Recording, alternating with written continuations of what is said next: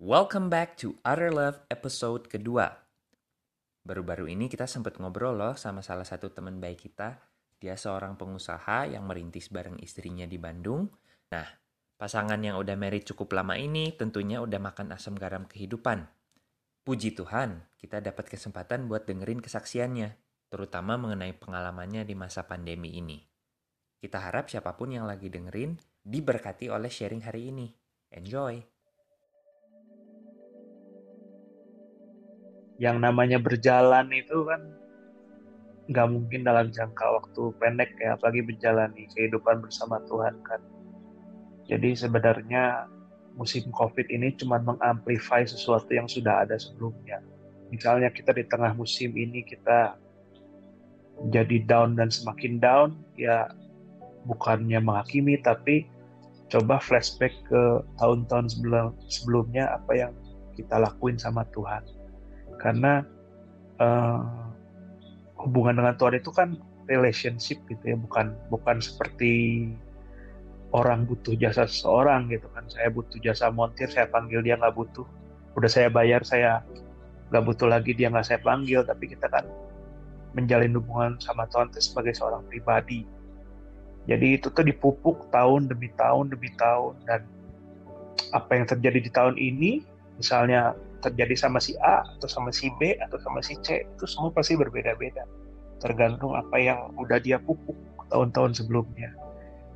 Uh, hmm. Contohnya kalau orang yang sudah dia punya hubungan dengan Tuhan yang baik itu dari tahun-tahun sebelumnya uh, di tengah musim ini ketika mereka mengalami penderitaan mereka bakal jadi ingat oh iya uh, oh gini ya menderita itu ternyata di tahun-tahun sebelumnya ya si A ini udah ngerasa diberkatin puji Tuhan lah.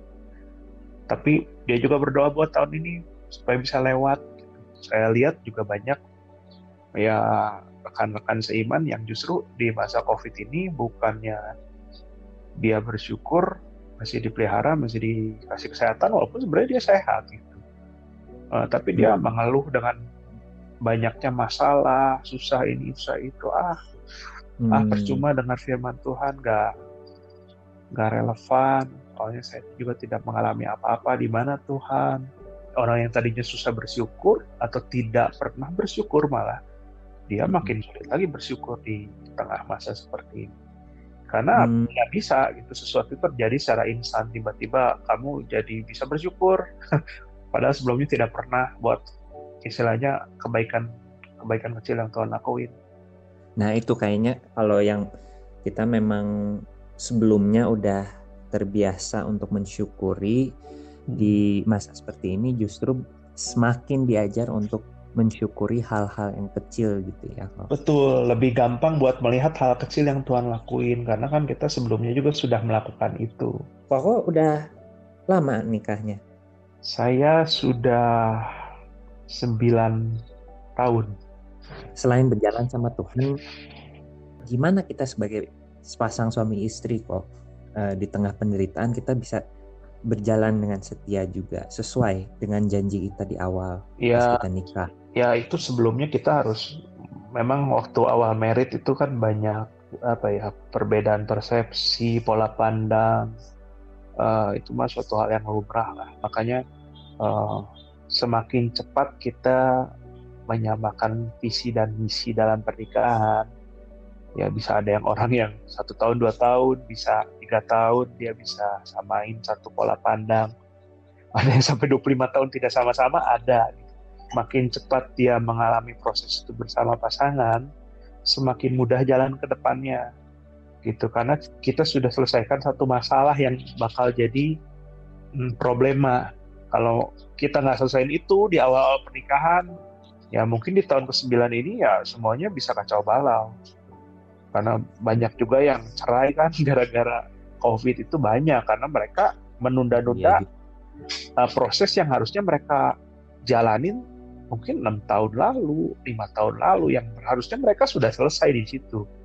Punya sekarang terpaksa mereka harus menghadapi itu bersama-sama. Betul. Jadi masalahnya jadi jadi semakin banyak numpuk dan akhirnya orang itu punya ya kita disebut punya batas kesabaran ya memang gitu. Karena eh, nggak uh, bisa gitu menghandle sesuatu yang terlalu banyak itu masalah yang terlalu banyak dalam jangka waktu bersamaan nggak semua orang sanggup gitu. dan mayoritas nggak sanggup. Makanya selama kita punya waktu buat beresin satu hal sampai tuntas itu harusnya diberesin dari dulu. Dari mungkin enam tahun lalu ketika udah beres ya mungkin yang terjadi sepanjang jalan sampai sekarang itu ya paling cuma perbedaan persepsi kecil-kecil lah bukan bukan sesuatu hal yang fundamental gitu. Kayak masalah how to spend money yang ini seperti apa yang ini seperti apa itu kan jadi bisa jadi satu masalah yang besar gitu. Tapi kalau bisa kita udah beresin ya ah paling masalah-masalah kecil yang bisa diobrolin lah dalam ya 5-10 menit mungkin satu jam beres gitu. Koko bisa ungkapkan dalam satu kata aja untuk musim COVID ini selama berapa bulan ke belakang ini dengan satu kata apa kira-kira? Hmm, grace. Grace. Iya, grace. Karena uh, sebenarnya musim ini bakal seperti ini, saya udah tahu tapi bukan COVID-nya ya, tapi bukan saya tahu bakal ada COVID tidak, nggak saya nggak tahu bakal ada COVID, tapi saya tahu bakal terjadi sesuatu musim ini, saya tahu. Tahu dari mana? Ya kita ya kita kenal lah kalau di Kristen ada orang yang bisa melihat seorang punya karunia nabiah pernah bilang sama saya bahwa ada sesuatu yang besar bakal terjadi di 2020 dan memang saya percaya hal itu dan yang saya pikirkan 2020 ini bakal terjadi satu resesi ekonomi. Karena saya belajar makroekonomi selama tiga tahun. Dan 2019 itu sudah mulai terlihat tanda-tandanya gitu dari berbagai chart atau apa kalau kita belajar trading itu kita bisa lihat. Dari situ saya menyimpulkan oh bakal terjadi sesuatu di tahun ini. Seperti Yusuf mempersiapkan tujuh tahun masa kelaparan gitu. Itu saya siapin di 2019 dari saya dapat tuh mungkin bulan April lah, April 2019. Saya siapin itu selama 8 bulan buat menghadapi tahun 2020. Dan apa yang saya bisa yang yang nggak pernah saya lakuin di uh, sebelumnya gitu kayak traveling gitu saya lakuin semua di 2019. Yang saya tahu di 2020 saya nggak mungkin bisa lakuin itu, tapi bukan COVID yang saya pikir bakal ada ya susah aja zaman yang susah karena uh, ekonomi itu sudah terlalu bubble, udah terlalu puncak, sesuatu yang naik itu pasti bakal turun gitu. Saya siapin semua itu, saya menghadapi akhir tahun 2000, 2019, saya bawa dalam doa, karena saya nggak tahu. I'm clueless about 2020, kenapa? Saya belum pernah mengalami suatu, namanya sebagai pasangan mengalami satu resesi. Belum pernah karena resesi terakhir itu 2008 kan. Saya belum married saat dan saya juga belum belum terlalu ngerti ekonomi belum belum memiliki usaha. Jadi nggak terlalu peduli sih sebenarnya bukan ah, saya masih bantu orang masih ah, ya penting saya digaji gitu kan. Sepertinya kan yang ada di pikiran seorang pegawai kan seperti itu. Jadi 2020 itu saya pikir bakal ada sesuatu yang benar-benar baru buat saya dan saya tuh I'm afraid of, of course I'm afraid itu. Saya takut tapi saya takut takutnya saya saya bawa bawa sama Tuhan. Tuhan gimana ya apa yang saya harus lakuin di tahun 2020 nah pas menginjak 2020 nggak nyangka saya juga bakal ada pandemi saya pikir. Apa lagi itu paling ya. seperti 2008 ada kasus apa loan mortgage kan dia mah ekonomi drop. Ya kita nggak nyangka sih tahun ini kita bakal harus diam di rumah tapi ya it's a grace gitu seperti yang saya bilang. Uh, saya yang harusnya sangat sibuk uh, sepanjang tahun saya punya banyak waktu istirahat dengan ya ini kan udah akhir tahun saya sudah bisa hitung-hitungan saya flashback satu tahun ke belakang dengan hasil yang mungkin jauh lebih besar dibanding 2019 gitu. Sangat effortless tahun ini kita ngelakuin apa sih? Bagian enggak uh, sesuatu juga nggak bisa dilakuin banyak-banyak jam jam operasional juga jadi sedikit buka toko jauh jauh lebih siang tapi apa yang saya dapat justru hmm. Jauh lebih besar jujur dibanding tahun sebelumnya ya satu kata itu ya grace lah apalagi sih hasil nggak ada hasil usaha saya dan itu makin membuktikan bahwa Tuhan bekerja karena nggak ada yang saya lakuin di tahun ini Hmm. tapi saya bisa dapat hasil yang memuaskan gitu. siapa yang kerja buat saya Tuhan yang kerja semua buat saya Justru membawakan kebaikan bagi Koko sama istri mungkin. Ya kebaikan buat kita sendiri sih kebaikan. Cuman buat banyak orang itu bukan suatu kebaikan lah. Tapi tetap kan kita nggak bisa ke mana-mana itu mem- memang cukup stressful lah tuh, apalagi buat orang tua ya. Jadi ya Mhm. eh, kita paling alihin waktunya ke sana gitu buat kali-kali ajak main orang tua kunjungin atau apa pun lah gitu. Jadi waktu yang harusnya kita buat eh, cari uang ya kita bisa alihin buat hal lain. Mungkin kalau kita tadinya nggak bisa ngelakuin satu hobi yang kita biasa bisa lakuin ya kita jadi lakuin hal itu. Ada yang sepedahan atau apa apa pun lah gitu. Ya makanya kan tetap aja di balik di balik pandemi juga eh, kalau kita berpikiran positif gitu bahwa ya Tuhan izinkan ini terjadi ya buat kita melakukan hal yang lain gitu. Hal yang sebelumnya kita mungkin nggak bisa lakuin kalau lagi sibuk gitu kan Iya. begitu Kira-kira kok kalau kita bisa kasih semangat buat orang-orang, terutama pasangan-pasangan yang mungkin saat ini justru merasa eh, terjerumus kok. Apa yang Iya. kira bisa sampaikan ke mereka? nggak ada yang telat sih bagi Tuhan. Kalau saya pikir sih, kalau memang kita merasa kita menilai diri kita flashback di tahun-tahun lalu kita eh, kurang bersungguh-sungguh sama Tuhan, why not start now? Karena jujur Tuhan itu Tuhan yang sangat pengampun. Tuhan itu sangat pengampun. Kita lihat aja bahasa Israel melakukan dosa berapa banyak kali. Dan tetap Tuhan ampuni, Tuhan ampuni. Tuhan bebasin lagi itu maha pengampun kalau memang kita di tahun-tahun yang lalu kita ngelakuin hal yang gak berkenan ya mungkin ini pemurnian gitu buat mereka nggak enak rasanya. Murniin emas pun nggak enak kalau dipanasin sampai sekian ratus derajat supaya kotorannya keluar semua. Melupakan titik balik lah supaya kita bisa di tahun-tahun yang bakal ada mendatang kita bisa justru ya makin baik gitu. Baik secara rohani. Yang secara jasmani Tuhan pasti berkati sih. Kalau kita secara rohani kita sudah sudah apa udah benahi ya Tuhan nggak akan nggak akan ragu-ragu sih buat berkatin anaknya. Saya rasa sih nggak mungkin seorang yang dewasa dikasih berkat anak-anak kan? Tapi kalau kita masih anak-anak nggak mungkin kita pengen dikasih berkat seorang yang udah dewasa. Gitu ya paling ini dijadiin titik balik pelajaran ya buat menghadapi ya tahun-tahun mendatang. Karena di depan pun masih ada kesulitannya sendiri gitu.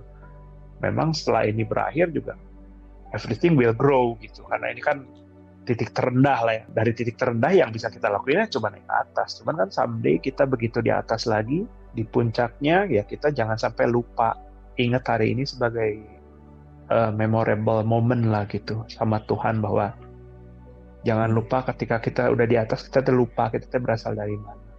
Dan uh, ketika Tuhan memberkati kita tuh udah gak inget kayaknya ah, ini mah hasil usaha saya. Nah itu ada sesuatu yang salah Salah satu hal yang sering kita lakukan tanpa kita sadar itu kita membanding-bandingkan penderitaan kita dengan orang lain. Itu sebenarnya bukan ucapan syukur tapi kita malahan lagi membanding-bandingkan diri dengan orang lain gitu sama buruknya dengan membandingkan keberhasilan kita sama keberhasilan orang lain. Uh, musimnya orang itu kan berbeda-beda gitu. Kita nggak bisa oh dia lagi di atas kita harus di atas. Ini kan bukan balapan lari gitu kita itu balapannya uh, makin mendekat sama Tuhan gitu. Kayak Mm.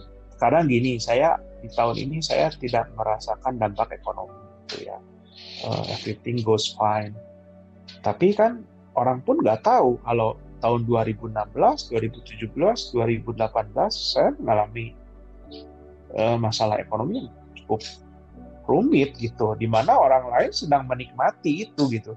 Terus Hmm. saya pun pernah ada di posisi mereka bahwa aduh enak ya orang lain seperti itu. Tapi itu kan suatu yang saya sadari bahwa nggak bagus ya maksudnya musimnya orang tuh beda gitu. dan di tahun ini ya ketika orang secara mayoritas mengalami kesulitan saya enggak. Saya juga bukan mensyukuri mereka mengalami kesulitan enggak. Karena memang kita musimnya berbeda gitu. Apa yang mayoritas orang alami hari-hari uh, ini ya saya udah alami dulu. Itu doang sih bedanya. Tapi someday mereka di atas mungkin saya mengalami hal yang sama lagi. Tahu kan desert song yang Hillsong itu kan? Ya hmm. ketika kita udah uh, diberkati ya ingat bahwa nanti pun kita bakal dibawa ke padang gurun lagi. Jadi jangan hmm. pernah merasa sombong. Ketika udah di atas ya itu. Karena sam, ya hidup itu ya naik turun naik turun gitu.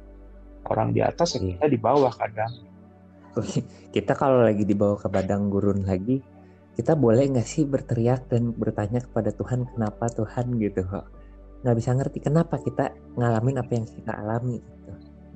Hmm, ya tapi gini sih Vin, kalau kita istilahnya rohani kita tumbuh, ketika kita mengalami padang gurun lagi kita nggak akan kayak yang pertama yang pasti itu kita hmm. bakal hmm. lebih bisa mengerti oke okay, uh, eh, ini lagi buruk ya udah kerjain apa yang kita bisa kerjain aja gitu karena hmm. padang gurun itu satu berlalu nah itulah iya.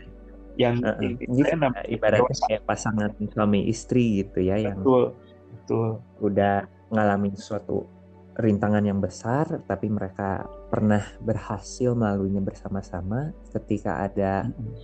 yang besar lagi yang datang, mereka nggak takut lagi. Gitu. Nggak takut karena mereka udah udah udah pernah lewatin itu dan berhasil. Mereka tinggal ya praktekin cara-cara yang dulu mereka lakukan berhasil gitu.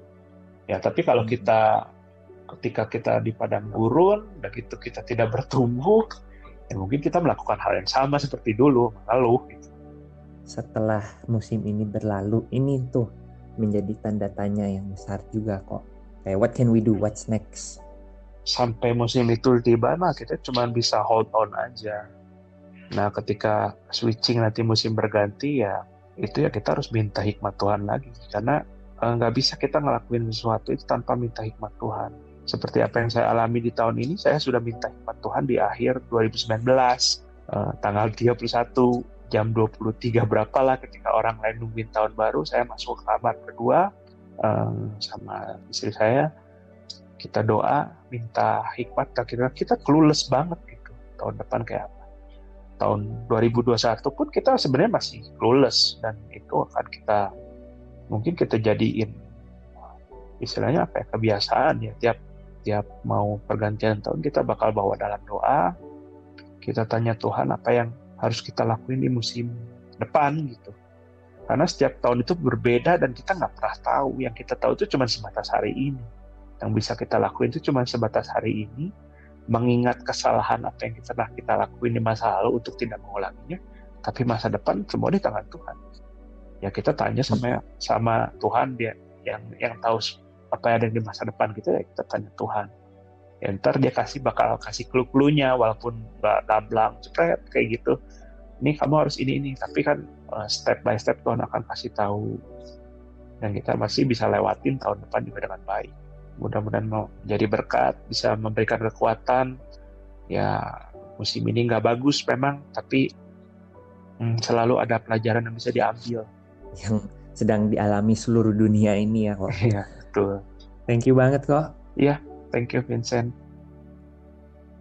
Iya, membangun kebiasaan untuk bersyukur di dalam segala hal, memiliki visi misi yang sama bagi sepasang suami istri, dan sebisanya nggak menunda buat memilih untuk ngambil langkah itu bersama Tuhan. Hal-hal yang tentunya penting bagi seorang Kristen di tengah penderitaannya. Terima kasih banyak buat Kohans yang udah ngeluangin waktu buat sharing poin-poin ini ke kita. Mudah-mudahan ini jadi penyemangat ataupun peneguhan bagi kita yang lagi ngalamin dalam tanda kutip musim dingin. Memang gak gampang ya buat sebagian dari kita di musim ini sempat kehilangan omset, kehilangan pekerjaan, bahkan mungkin kehilangan orang-orang yang kita kasihi. Saya mau encourage teman-teman, you guys are not alone. God knows your pain dia pun pernah ngalamin segala macam penderitaan pasti dunia ini sebagai Yesus Kristus. Tapi lebih dari itu, dia juga berjanji nggak bakal pernah ninggalin kita. Setiap nafas yang kita tarik dan buang itu nandain anugerahnya bagi kita masing-masing. Semoga dengan sharing hari ini kita semakin terdorong lagi buat gak menyia-nyiakannya. Thanks for listening guys. Ini Utter Love. Sampai episode berikutnya.